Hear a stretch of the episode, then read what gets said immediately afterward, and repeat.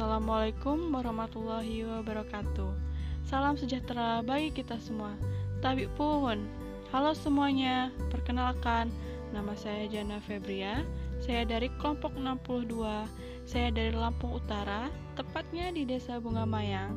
Saya adalah mahasiswa baru ITERA jurusan Kimia angkatan 2021 dengan NIM 12 12 70 011.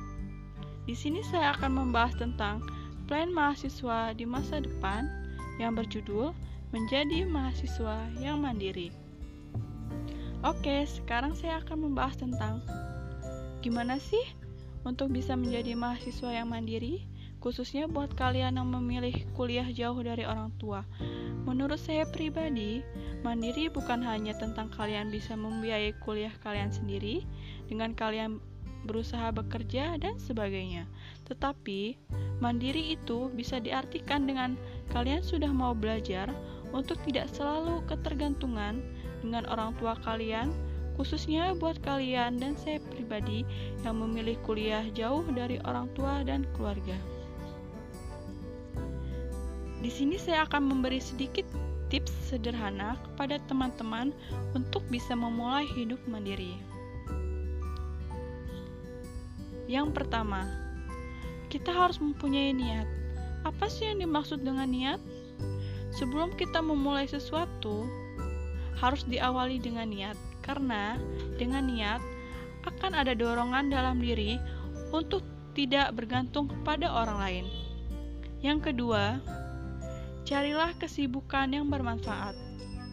Contohnya, kita bisa mencari pekerjaan yang tidak mengganggu jam perkuliahan, ataupun bisa juga aktif berorganisasi di dalam atau di luar kampus, sehingga hal ini dapat menambah wawasan kita dalam memanajemen waktu keseharian kita. Yang ketiga, kita tidak boleh banyak berkeluh kesah. Sebaiknya, ketika kita mempunyai masalah, yang harus kita lakukan adalah berpikirlah terlebih dahulu tenang, dan dan kita akan mendapatkan solusi atas permasalahan yang sedang kita hadapi. Yang keempat, kita harus mempunyai rencana. Apa sih dimaksud dengan rencana? Rencana itu adalah sebuah planning masa depan karena ketika kita sudah mempunyai planning atau rencana tentang masa depan kita, pasti kita akan selalu berusaha semangat untuk mencapai planning masa depan yang sudah kita rencanakan. Yang terakhir, kita harus berani hidup sulit. Karena tentunya ketika kita masih membangun sebuah kemandirian, maka kita akan dihadapkan dengan hidup yang pas-pasan, baik itu dari segi ekonomi maupun dari segi lainnya. Intinya adalah Nikmati sebuah prosesnya, rasakan, dan belajarlah dari waktu yang telah berlalu.